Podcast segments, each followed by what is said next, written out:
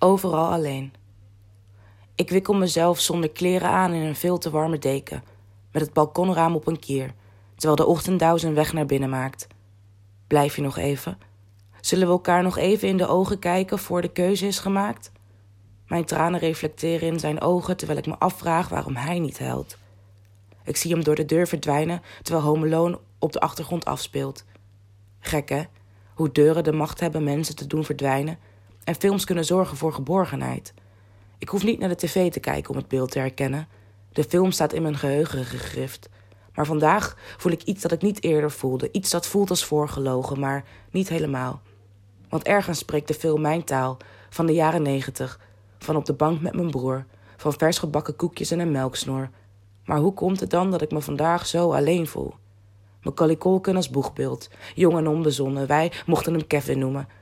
Maar er zit zo'n groot verschil in dat jongetje van de film en de man die jij bent geworden.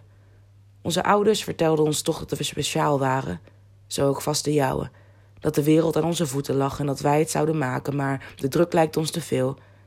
En zoals het woordje in de titel van de film voel ik me soms, voelen wij ons. Mag ik spreken voor mijn generatie? Mag ik je noemen bij de naam? Eenzaamheid. Soms ben je opeens daar, vloeibaar als water, dat zo snel de kamer vult dat je het gevoel hebt dat je stikt. Maar als je het vast wil pakken, lukt het niet. Als je het aan wil kijken, het vast wil grijpen en schreeuwen: Ik wil dat je verdwijnt, het door je vingers glipt. Je overkomt me, pakt me beet onder mijn kaken, stompt me in mijn buik. Is eenzaamheid niet een waarschuwing van het lijf of het brein? Dat het anders moet, dat er iets niet klopt. Of misschien komt het omdat eenzaamheid me zelden overkomt als ik alleen ben. Juist wanneer ik door mensen omringd ben, voelt mijn hoofd zich met een piep. Soort van: ik hoor je wel, maar ik zie je niet. Omdat de piep zich in mijn eigen hoofd bevindt. Als een grijs tipje op de ziel dat alsmaar groter wordt. Nee, niet als ik alleen ben, overkom je me.